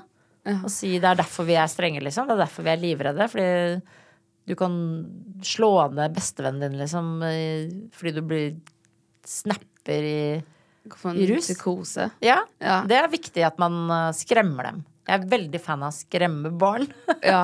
på sånne ting. At de kommer aldri til å tørre det. Nei, sånn, hvis du gjør det, så gjør du det på eget ansvar, da. Og så må de gjerne komme hjem og si fra, men da må de tåle å få kjeft. Ja. Jeg er veldig imot det der med at liksom foreldre skal Altså, foreldre må gjerne hente barn og sånn, men de skal ikke oppfordre barn til å drikke. Og få et sånt sunt forhold til alkohol, det, det Eller rus. Det syns jeg er eh, fjompete. Ja, men får man ikke ganske sunt forhold til rus hvis man ser at barn eller foreldrene sine kan ha et naturlig forhold til det? Jo, og så hvis du Men jeg skal ikke gi dem liksom en flaske når de skal på fest. For det er jo noen foreldre som gjør, som tror liksom at det er å gi barna et sunt forhold til alkohol. Og det skal man jo ikke. Nei. Men eh, man vil jo, i våre tider der man vil veldig ha åpenhet, da, så er det jo bra å kunne si da Å nei, jeg drakk meg veldig full og har bæsjet og spydd på meg i en grøft. Kan du komme og hente meg? Men da kommer jeg til å kjefte da jevnt. Da kommer de ikke til å tørre å ringe deg. Jo, jo, det må de tørre. Ja. Da blir jeg rasende for at de ikke turte å ringe meg. Og Det er enda verre. Det er enda verre. Ja. De bare 'Dette er vanskelige beskjeder å få. Du er så motstridende'. Ja, kom jeg til å si det. Ja, det er moren din. Mm. Ja. Vi um, Og tenk så gøy å være, bli besteforelder. Da kan du jo bare være helt løs kanon på dekk. Da trenger du ikke ha noen regler. Du trenger ikke å holde på noen av de reglene Nei. du satt for dine barn. Nei. Tenk så sure de blir da. Så er sånn Hæ, vi fikk ikke lov til det. Tenk så gøy. Gleder du deg til det? Ja, ja, det er kjempegøy. Ja. Det er en liten stund til da, tipper jeg. De er jo født i Oslo, så de skal ikke få barn før de er 41. Tipper jeg, jeg tipper at det er gjennomsnittsalderen på jenter eh, når eh, Jenny blir stor. Ja, ja, det er det helt sikkert. Ja. Og det er bra. Ja. Da har hun fått levd. Hvor gammel er du da? Å, jeg vet ikke. Herregud. Jeg er 44 neste år, og hun er 10 nå. Det er 30 år til. Da blir du 74. Ja, det passer bra. Ja, 74-75. Da må jeg kanskje begynne å jogge for å holde meg ung. Ja. Altså- Mm, du trener mye, da. Ja, men jeg jogger ikke, er du gæren? Nei, men du trener mye. Jeg trener jo litt sånn pusetrening, bare for å være kåt og glad. Det er hele målet mitt med trening. Er det. Du vasker og trener. Ja. Det er bra. Ja. Det skal man jo gjøre. Ja. Og så er det jo litt også når du har fødselsskade, så må du faktisk trene for å eh, holde det ved like, liksom. Eller så lekker du luft og tisser på deg, bæsjer på deg. Altså det, og det er bare deg selv eh, du må passe på. Du kan ikke liksom skylde på noen andre. Og det er jo din egen helse du må tenke på. Det syns jeg alltid er litt rart med folk som liksom gir opp, liksom. Så er det bare sånn, ja, men du må ikke gi opp. Det er jo bare deg det går utover å gi opp. Eller å slutte med ting, eller å ikke gjøre ting, da. Og jeg syns det er rart med depressive mennesker som ikke f.eks. trener styrke, da. Det syns jeg er rart, når all forskning er sånn. Det er kjempesmart å trene styrke mot depresjon. Da syns jeg man skal trene styrke, da. Når forskerne sier det. Så det, jeg blir alltid litt sånn forbauset. Men sånn, ja, men trener du da? Nei, det orker jeg ikke. Ok, Det er jo veldig rart, da. Ja, kanskje begynne med det. Ja, jeg, altså, og bare begynn med det lille du klarer, liksom. Jeg gjør, jeg gjør ikke noe mer enn det jeg Jeg blir aldri svett på trening, for eksempel. Svetter ikke? ikke et sekund. Jeg bare tar på meg det og går ut igjen. Ellers har jeg ikke tid til å trene. Men Hvis det skal være sånn å, jeg må sette av tre timer til å trene og svette masse og må dusje etterpå, det går ikke. Ja, det tar Jeg må kunne tid. trene og gå og ha dobbelt show på Latter etterpå, liksom. Uten å dusje. Ja, og kan i hvert fall ikke være utslitt av å ha trent, da. Nei, for da, du skal ha Du skal jo ha show. Ja, ja, det passer litt dårlig. Ja. Så Ja. da må man gjøre det, eh, det som passer for deg. Og det er, det er liksom opptatt av det der at folk skylder så mye på samfunnet, skylder så mye på ting og tang, eller liksom er så Sier at det er så mye press der ute. Og eh, noen må ta tak i denne scrollingen. Bare, da må vi på en måte bare si til oss selv da skal ikke jeg scrolle. Ja. Det er jo bare det vi må. Men noen mener jo på en måte at det er samfunnet som må legge begrensninger og fikse, ordne sånn at ikke det står sukker ved siden av kassa på vei ut av butikken, for eksempel. Eller, Ja, og det er jeg veldig fan av, da. Ja. Og det kan man jo faktisk bare kreve. ja. Altså, da de, Og de har vel begynt med det etter hvert, Ja, liksom. Knaskerøtter og litt uh, blåbær. Og så er det jo nettopp det at uh, ja, myndighetene kan jo bare si det er ikke lov å ha sukker ved disken. Og det er så enkelt burde det være, da. Ja. Har du noen gang tenkt på å gå inn i politikken? Eh, nei. Det syns jeg er virkelig kjedelig. Ja. Pluss at den der leken de har med sånn maktkamp maktkamp og sånn, ja. ja, det, det blir for nerd for meg, ass. Men hvis Jonas Gahr Støre spurte deg nå om du hadde lyst til å bli kulturminister, hva hadde du sagt? Ja, fordi det diskuterte vi faktisk i podkasten, for jeg hadde jo så lyst til å bli kulturminister. Men så kom vi jo på at da kan man jo ikke være frittalende og si ting som man mener, og man må ta hensyn til folk. Og det er jo ikke noe gøy. Må man? Ja, det tror jeg. Og så syns jeg ikke Jeg syns ikke det er en bra ting at man har politikere eh, som ministre. At man har slutta med det der med å ha eh, kjendiser, liksom plutselig En teatersjef eller en eh, popstjerne, liksom, som plutselig skal være minister. At man faktisk har vært i politikken, man har eh, Man er likt i partiet. Man kommer ikke sånn utenifra, liksom. Så det mener jeg er bra, da. Ja. Fordi i gamle dager var det liksom Og særlig sånn Det var jo som å, på en måte et signal om at kulturminister, det er ikke noe viktig. Så det kan bare en hvilken som helst kjendis være. Det er jo ikke bra, liksom. Det er jo viktig at du kan partipolitikk, og at du kan liksom systemet, syns jeg, da. Men nå viser det seg jo at de som sitter i politikken, kan ikke systemet. De orker ikke å lese den 20-siders håndboka, og så kan de skylde og si sånn Den er kjempevanskelig. Ja, den lå på pulten min, og det var bare 20 sider, men jeg skjønte det var- ingenting. Akkurat det jeg satt og tenkte på. Jeg bare, det, det. Ja, så de kan jo heller ikke det, men det kan de jo skylde seg sjøl.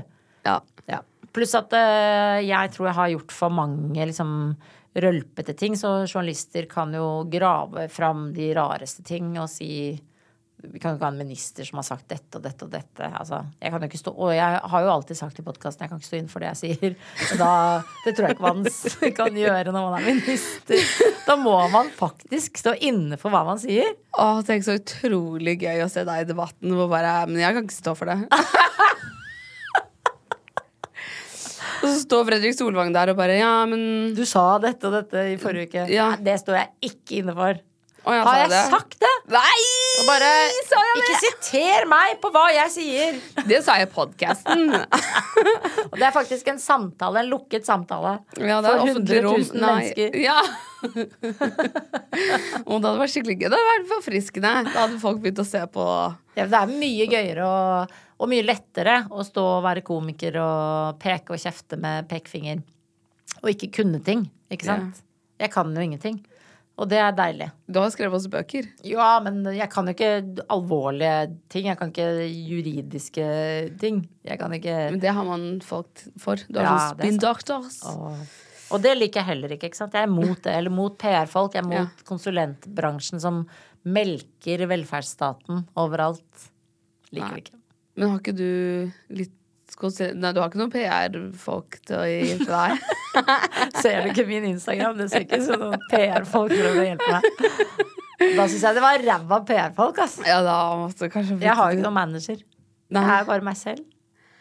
Oi, det visste jeg faktisk ikke. Nei, jeg har aldri hatt manager. Oi, så gøy, da. Ja, jeg er helt fri. Hva, ja. Men, men ja.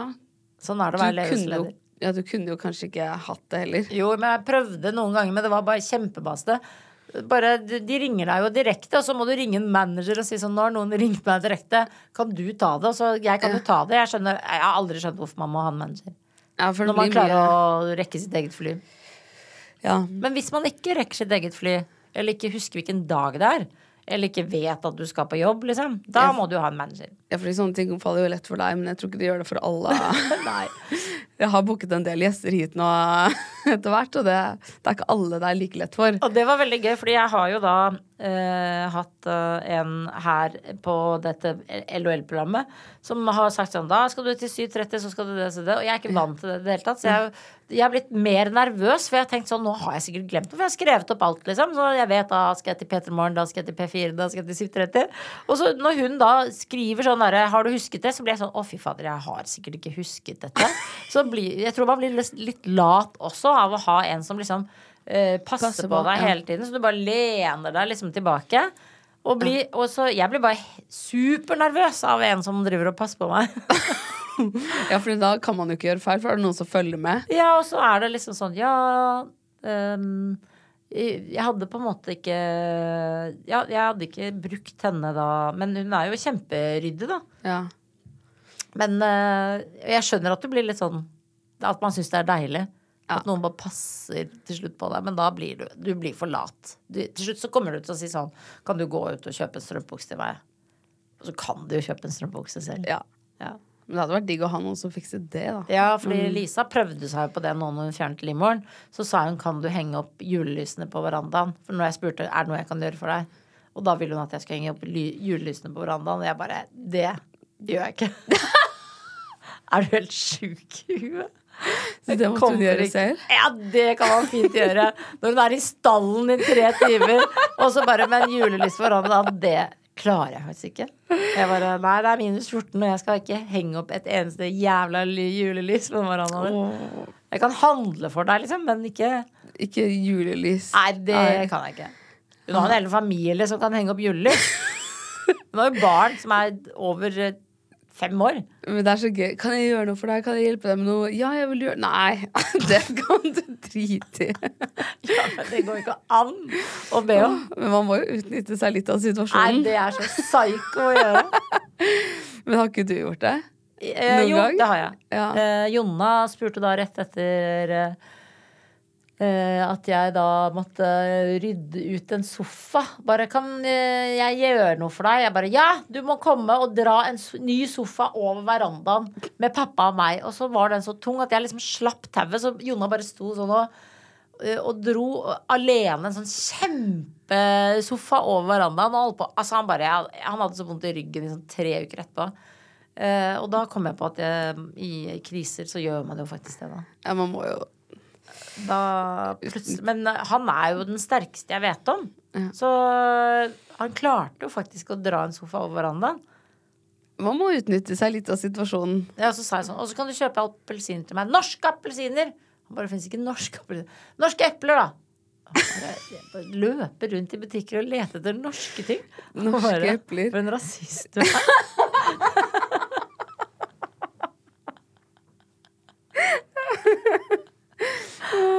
Grønn, det må være grønne epler, ikke røde! Og dette her var under samlivsbruddet. Ja, ja, men da Jonna tenker jeg sånn det er, det er godt for Jonna å gjøre litt sånn. Ja. Det er bra du Det for hadde Det hadde sikkert vært godt for meg å henge opp julelys for Lisa også, men uh, jeg gjør det ikke noe pent heller. Jeg skjønner ikke hvorfor hun velger meg. Jeg er jo ikke et nøyaktig menneske. Så jeg, jo, jeg er litt sånn som faren min. Sånn, I drivhuset nå nede i hagen så ser det ut som man har kastet opp julelys liksom, sånn på veggen, altså Ja. på vinduet. At noen har spydd julelys. Men det er jo en vibe, det òg. Ja. Som jeg ser mange har gått for. Men jeg tror liksom de som går forbi da Vi ser det jo ikke, vi er jo ikke nede i den hagen om vinteren. Men de som går forbi da ved veien nedenfor, de må få så tics. Du vet sånn når du får lyst til å rette opp. Det er den der lampa til eh, Vinter i Snøfall 2, liksom, som alltid blir skeiv.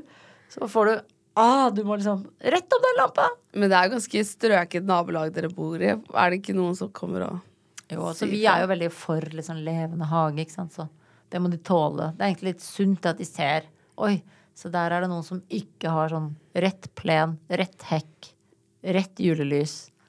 Alt er litt. litt skjevt og litt rufs. Åh. Det er bra. Det ser veldig fint ut der, da. Mm, Det er veldig fint. Tror du kjæresten din kommer til å flytte inn? Nei, Det tror jeg ikke. Jeg håper jeg ikke. Jeg skal ikke Han får komme på besøk. Han får komme på besøk. Ja. Alltid. Alltid. Ja, døra er alltid åpen. Mm. Men uh, Men ikke med det første.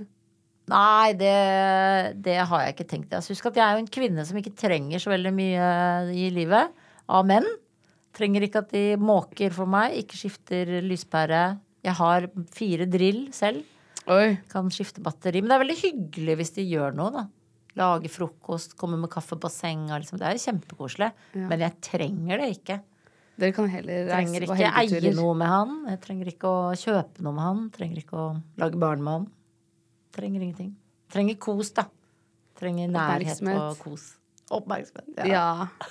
ja, men det hørtes fint ut. Det får du, da. ja. Men det er jo veldig viktig da, at man finner ut hva man trenger hvis man er litt sånn kjæreste eh, hungrig, så må man jo vite hva man trenger. Jeg trenger liksom virkelig kroppskontakt og en klem og det å kysse. Og helklem, for eksempel, er jeg veldig opptatt av. Og det er jeg kjempeglad i, liksom. Og det er det jeg trenger. Og det er koselig. Og liksom selvfølgelig noen å prate med, da. Men jeg slipper jo ofte ikke folk til, selvfølgelig. Så det jo kjedelig for han. Du skal få prate litt mer. Vi skal ha Instagram-spørsmålsrunde. Herregud! Som er da spørsmål direkte fra lytterne. Oi, oi, oi. Oi, oi, oi, oi. Spennende. Ladies and gentlemen. Instagram spørsmålsrunde. Instagram spørsmålsrunde. Hvem er den beste komikeren i Norge? Hvem er den beste komikeren i Norge? Det er lov til å si seg selv, men det vet jeg du ikke kommer til å gjøre. Nei, det er jeg ikke. Jeg er ikke den beste komikeren i Norge. Den beste komikeren i Norge Jeg har alltid ment eksempel Anne Katt på Nytt på Nytt, eksempel. Jeg savner liksom den derre flørtende klokskapen hun hadde. Eh, og den spisse liksom Ja, hun elsket jeg i Nytt på Nytt. Men så er det kanskje sånn scenekomiker vi leter etter. Eh, og eh, jeg vil kanskje si eh, Lisa Tønne er den beste jeg vet om på scenen. Og sånn punchline-messig er hun helt rå, liksom. For hun er så uredd. Men så kjenner jeg henne for godt til å kanskje gi henne den tronen. Så Det blir inhabilt. ja, det blir jo det, for jeg liker henne veldig godt. Så hvem skal være Eh, Jeg syns jo de rare og de nøttete også er helt fantastiske. Så liksom eh, Martin Marken, når han er eh, kjemperar på scenen, så er han jo fantastisk. Ja. Hvem, men jeg vil jo helst si en kvinne, da. Nei, jeg, jeg, det kommer ikke til å komme noe godt svar ut herfra. Men eh, det er mange gode Linda Mahala, for eksempel, som jeg jobbet med før. Hun er kanskje den morsomste og rareste og nøtteste eh, komikeren jeg noen gang har jobbet med. hel, hun var lenge før alle Njø-komikerne hadde sånn type humor på scenen. Hun, var helt fantastisk. Som hun er død, men hun er ikke det. Men hun driver ikke med standup. Men ja, hun eh, jeg vil si, jeg, jeg, Svaret mitt er Linda Mahala Mathiassen. Eh, jeg, vi vet du er heterofil, men når fant du ut at du var det? Og trodde du noen gang at du var gay? Uh, Nei, det, dessverre har jeg aldri trodd at jeg eh, var gay. Og jeg har jo dessverre ikke vokst opp i sånn kul tid der man kunne slafse i seg alle kjønn og fødes uten å være kvinne eller mann. Men eh, jeg har jo alltid vært heterofil. Men jeg har ikke vært så veldig opptatt av at jeg er heterofil, liksom. uh, og jeg har ikke noe sånn veldig sånn opptatt av at folk er homofile heller. For jeg er ikke en sånn jente som har lyst til å ha en homofil venn, f.eks. Det blir jeg veldig irritert på med jenter som blir annerledes rundt homofile gutter. Da klikker det inni meg. Og så blir jeg annerledes sjæl, selvfølgelig. Fordi det, det er en, de er kryptonipt på jenter. Ja. Suttung. Hei, Suttung. ja. Det står Oi, det var Suttung. bare Suttung. Ja. ja Jeg Suttung. eh, var jo en del av Suttung-bevegelsen eh, da jeg var liten, fra jeg var 5 til jeg var 18. Eh, Der deklamerer du jo dikt og er opptatt av de norske poetene, altså Henrik Wergeland og Henrik Ibsen. Du leser eh, og hyller ordet. Det er ordet i sentrum. Det lærte meg å pugge. eh, Og det lærte meg å stå på en scene uten å være redd. Og det lærte meg også å elske liksom Ja, altså nasjonalromantiserende Altså at du Nasjonen din er også bygd opp av poesi, da. Og at det liksom? Det er jo derfor du blir rørt av at eh, man synger 'Ja, vi elsker'. Eh, det er noe viktig at et land har sin poesi. Det er derfor du trenger plutselig eh, dikt under 22. juli. Du trenger da til ungdommen, du trenger Kringsatt av Fine, du trenger liksom diktene, da. Det rører deg på en helt vill måte i krisetid, og det er så fint å på en måte vite, og det har jeg lært av Suttung. Er barna dine også en del av Nei, Suttung-bevegelsen? de er ikke en del av Suttung. De er en del av Koffa fotball og Oppsal håndball. Hvorfor er det ikke det? Nei, eh, Suttung er ikke lenger på Ekeberg der hvor eh, jeg gikk. Jeg gikk på Ekeberg Suttung, så da er de helt ute i Gran, ute i Bærum, er det vel. Eh, Så det blir litt for langt. Og så har ikke jeg vært interessert i egentlig at barna mine skal være en del av Suttung. Eh, Fordi jeg syns ikke foreldre skal drive med ting som de drev med. Jeg drev jo og spilte fele og bratsj og var på Suttung. Og, barna, og jeg fikk jo ikke lov til å spille håndball og fotball fordi mamma og pappa orket ikke å være sånne foreldre, aktive foreldre og sånn. Eh, og jeg er jo litt lei meg for at barna mine ikke spiller instrument, men jeg, jeg føler jo, særlig når jeg ser på fotballfedre, at her er det jo mye foreldredrevet uh, idrett, og det bør det jo ikke være, syns jeg, da. Jeg syns jo barna skal ha lyst til å gjøre noe. Hvis de ikke har lyst til å gjøre det, så prøver du noe annet. Og det å presse da barna sine til å f.eks. spille et instrument eller gå på suttung fordi du gjorde det, det er jeg veldig imot. Ja. Så det må bare komme til deg. Jeg håper liksom de skal begynne i orkester eller korps, men eh, det, de har ikke gitt uttrykk for at de vil. Så da blir de sånn umusikalske, dølle fotballbarn istedenfor. Som jeg hater. Ja, Men det, jeg står i det. ja, det står i det. Det Ja. er bra. Um, hvordan var det for deg da utroskapet du ble utsatt for, ble skrevet om i mediene? Uh, Det har vel ikke blitt skrevet så veldig mye i mediene, men uh, Jodel har vært uh, gode. Jodel skrev flittig om det. Ja. Var det Det går helt fint. Jodel eh, takler jeg lett som en plett. Det er veldig gøy å se på jodel. Du blir jo litt sår av og til, men det er sunt, det. Hva blir du sår av? Nei, du blir jo så hvis det er sånn der folk har misforstått eller mener noe om deg som er sånn der Hæ, det er ikke det, er ikke det jeg mente. Og så kan du ikke svare, liksom, for noe. Viser du at du er der? Ja, eller altså Folk vet vel at man er på jodel, liksom, men det er jo kunsten å takle det, da. Ja. ja, for hvis man går inn der, så oppsøker du liksom, Da vet du at Ja, At du går i vepsebolet. Ja. Og det mener jeg jo er litt sånn egentlig sunt å gjøre. Og det må man jo tåle som en offentlig person. Når Ja. man sitter her og slenger med leppa og er helt frittalende og et jævlig menneske. det er lukket rom, da. Dette er et lukket rom. Jeg føler meg helt trygg. og Jodel også føler jeg trygg i. Jeg føler at uh, det går helt fint. Uh, ja. Og at uh, offentlige mennesker må tåle ting helt til du blir drapstruet. Da, der går grensa, liksom. Men uh, du må tåle mye dritt. Og dessverre må du tåle mye rykter. Og jeg elsker jo sladder og rykter, så jeg må i hvert fall tåle det. Ja, ja for det er jo det er jo gøy fram til det ikke gjelder seg selv, men da må man jo Man har jo holdt på med det siden tidenes morgen. Ja, sladder har jo viste seg var viktigere enn da mennesket fant opp ild, så da, da bør vi bare omfavne sladder. Ja. Så jodel er leirbåndet. Hvordan var det å være en del av sladderet? Nei, jeg, jeg er jo ganske ofte en del av sladderet, så jeg Det går bra. Ja. Syns du det var vanskelig med barna? Uh, ja, det Men alt sånt er vanskelig med barna, da. Så det må man jo bare Man må gjemme seg litt. Men da er det jo kjempefint å ha barna. Kan man ligge og snuse på dem i nakken og kose med dem. Ja. Så det er lønnsomt å ha barn i krisetid. det skal jeg huske. Du må bare få barna før krisetid. ja, eller Det spiller ingen rolle. De er der. De Ja. kan du klamre deg til. Ja. Um, er du feminist? Ja. På min hals. Men jeg eh, er veldig streng feminist mot uh, alle. Så jeg er jo likestillingist mest. Det er ikke sånn at kvinner eh, kan få lov til å gjøre hva de vil, bare fordi man er feminist og kan gjemme seg bak å være kvinne. Så det må være ryddig, liksom. Og det må være gagne samfunnet og storsamfunnet. Og som feminist så er jeg like bekymra for at gutter og menn eh, ikke har det bra, og at vi har et samfunn nå der menn faller fra og ikke klarer å finne liksom eh, ut helt hva de eh, skal gjøre, og at de ikke har det bra. Og det er jo livsfarlig i et samfunn at menn ikke har det bra. Og det tror jeg ikke kanskje menn skjønner. At eh, liksom er, de som først blir kym- bekymra for det, er faktisk feministene. Fordi vi vet at eh, menn må ha det bra for at man skal få ting, til ting i samfunnet. Så da er det jo kjempebra at vi har mannsutvalg, at vi tar det på alvor, og at menn tar livet av seg mer enn kvinner, f.eks. Alt sånn er ekstremt viktig.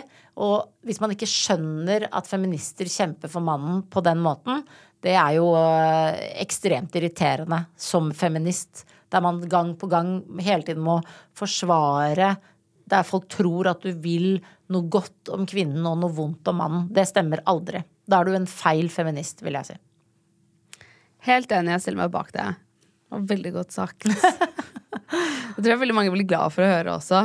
Ja, det er veldig, veldig, veldig viktig. Og det er eh, Det vet man. Det er sånn eh, nazismen startet. Altså, du må, ha, du må ha menn som har det bra i samfunnet. Eh, og det er litt hardt, egentlig, som kvinne å vite. Men det er fordi vi kvinner er ganske sterke, da. Og klarer oss ofte selv. Og, men du trenger glade menn der ute. Så eh, det, du har jo happy wife, happy life-greiene. men vi må ha et sånt ordtak med For gutta òg. ja, med Happy Man, eh, Happy World-aktig. Men det var litt rime, da. Men, eh, men mannen må ha det bra i verden, og mannen må vite sin plass. Og man må føres, dessverre, kanskje mer enn kvinner. Eh, og, og menn er fantastiske. Jeg elsker jo menn. Ja. Vi elsker menn. Vi elsker menn. Ja. Jeg tipper mange menn har følt at de har mista litt plassen sin. Jeg var på Munch-museet eh, med faktisk to fra BI. Eh, unge mennesker. Altså 20-åra, da, liksom. Og så gikk vi rundt og ble um, guidet av Tove, som uh, guider alltid Tusvik og Tønne. Og så fortalte hun om uh, Edvard Munch da han var ung, om all den angsten han hadde. ikke sant? Han tegner og maler da skrik og mye mer. Altså det er angst overalt, det er ikke bare skrik, liksom. Men det er det er mørkt, og det er grønne ansikter, og det er masse angst. Og dette var et stort problem blant alle menn i, på den tiden, for 100 år siden. Fordi det var den industrielle revolusjonen der man mistet masse yrker, og ingen visste helt hva de skulle drive med. Hva, det var liksom ikke bruk for mannen, sånn som det hadde vært før. Og, og så bare står de der BI-folka, de bare Men det er jo akkurat sånn det er nå! Så var det helt fantastisk å være på Munch-museet, plutselig å se bare sånn, herregud, verden er jo helt lik, den bare gjentar seg, gjentar seg. Og det å vite på en måte at alle som var unge på Munch sin tid, hadde det de, Det var altså skyhøye innleggelser på psykiatriske sykehus. Folk var psykisk syke. Det var eh, masse selvmord, masse selvskading, masse angst, masse trøbbel. Og det er egentlig sånn trygt å vite, nesten, fordi vi lever jo i en akkurat sånn tid nå med teknologien sant, som gjør at yrker eh, gjøres om. Du finner ikke noe plass til deg selv. Du skjønner ikke Men hva ha, har vi bruk for meg her, liksom? Det er Kvinner kan bare dra og få sæd injisert i seg selv, og det er ikke bruk for meg engang når det kommer til å føre genene videre, liksom. Og de blir mer og mer stressa og lei seg. Og man må alltid da huske på dette eh, eh, Liksom at det kommer bedre tider, og at eh, man må over en sånn revolusjon. Da. Nå er vi inne i KI-revolusjonen, liksom. Og så ut kommer det gode tider. Men man må passe på hverandre gjennom de tunge tidene. Ja. Og bør gå på Munch-museet og ha guide som forteller deg akkurat om dette. For da blir du altså så glad, egentlig, for å vite at verden har slitt mange ganger før. Og kommet seg gjennom det. Ja, det Skal vi gå ut på den? Det var skikkelig fint. Men det er fint å tenke på. Ja, det er så fint. Det tenker man jo aldri på når man har det kjipt. At det bare zoom litt ut, så Ja, det var helt vilt. Da ble de der bildene så mye bedre. Mm. Ja. Og det var sånn Herregud. Det var ikke bare Jeg tror det kanskje det var det at eh, hun forklarte det som et samfunnsproblem på den tiden. Mer at man alltid bare tenker at eh, Edvard Munch var så depressiv og, og sånn. Så bare sånn Nei, men alle var det. Alle unge strevde. Alle var lei seg. Og det er akkurat sånn som vi har det nå. Det er liksom alle går i seg selv, og alle bare Ja, men meg, meg, meg, liksom. Og sånn var det da òg. Ble jeg kjempeglad for å vite. Det var ikke bedre før. Nei, og det er eh, Vi får det til. Og det gøye er jo at eh, Munch blir da eh, innlagt på psykiatrisk. Det er ikke så gøy, da. i delirium. Han har drukket seg helt Han er jo superalkoholisert og helt fucka, liksom. Og lei seg. Og kommer ut, dessverre da i 40-årskrisa si, som vegetarianer og begynner å jogge og blir opptatt av isbading og bading og nakenhet. Og, og lager bare da disse lyse, og da kommer solen, og da kommer alt. Og det er jo også da disse 40-årskrisene er jo ikke så originale, ikke sant. Når du da bare Å, se på 40-årskrisa til Edvard Munch. Ja. Som henger rundt i elleve etasjer i Bjørvika. Ja. Det er, du isbader litt, du òg? Ja, ja, ja. Jeg er jo, det er min 40-årskrise, da. Ja. Isbading. Ja, jeg har jo holdt på med det siden 40-åra, faktisk. Og det, altså siden jeg ble 40. Og det er en veldig klassisk kvinne Ja. som uh, begynner å streve. Det er smart, da. Så isbade, ta en tur på Munch-museet, og husk at alt var like ille før òg. Ja, eller det kommer til å gå bra mer enn at alt var like ille før. Um, det er fint å vite at historien gjentar seg, eh, tror jeg. Og det er sunt å vite. Ja. Det gjør den så absolutt òg. Tusen takk for at du ville komme. Takk for Sigrid meg. Bonde Tusvik. Det var en ære å ha deg her. Det var veldig hyggelig og flott å snakke om meg selv så, så lenge. Tusen takk. Takk for meg, 7.30. Ha det. Ha det.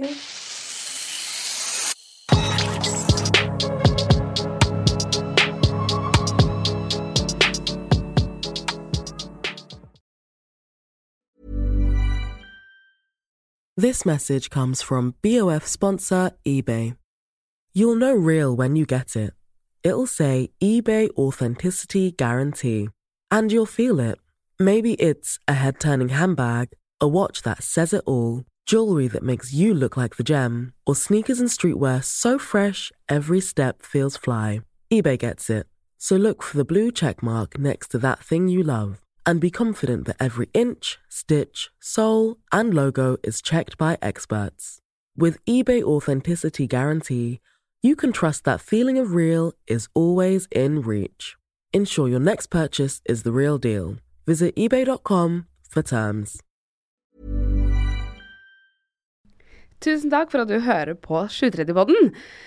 Hvis du har lyst til å være veldig kul, så er det bare å legge igjen fem stjerner. Og da blir jeg veldig glad, fordi det er jeg som lager alt til denne podden. Og jeg trenger masse gode stjerneanbefalinger for å kunne be sjefen min om litt høyere lønn. Så det hadde vært veldig fint. Jeg slipper nye episoder hver eneste tirsdag. Og hvis du ikke har hørt alle ennå, så er det bare å spole tilbake i biblioteket. Og trykker du på følg, så kommer alle de nye episodene rett inn i spilleren sekundet de blir sluppet. Send meg gjerne en DM hvis det er noen du har veldig lyst til å ha som gjest. Og husk at vi alltid poster spørsmålsrunder på Instagram Story, så da kan du få med spørsmålet ditt i neste episode hvis du vil det. Ha det bra!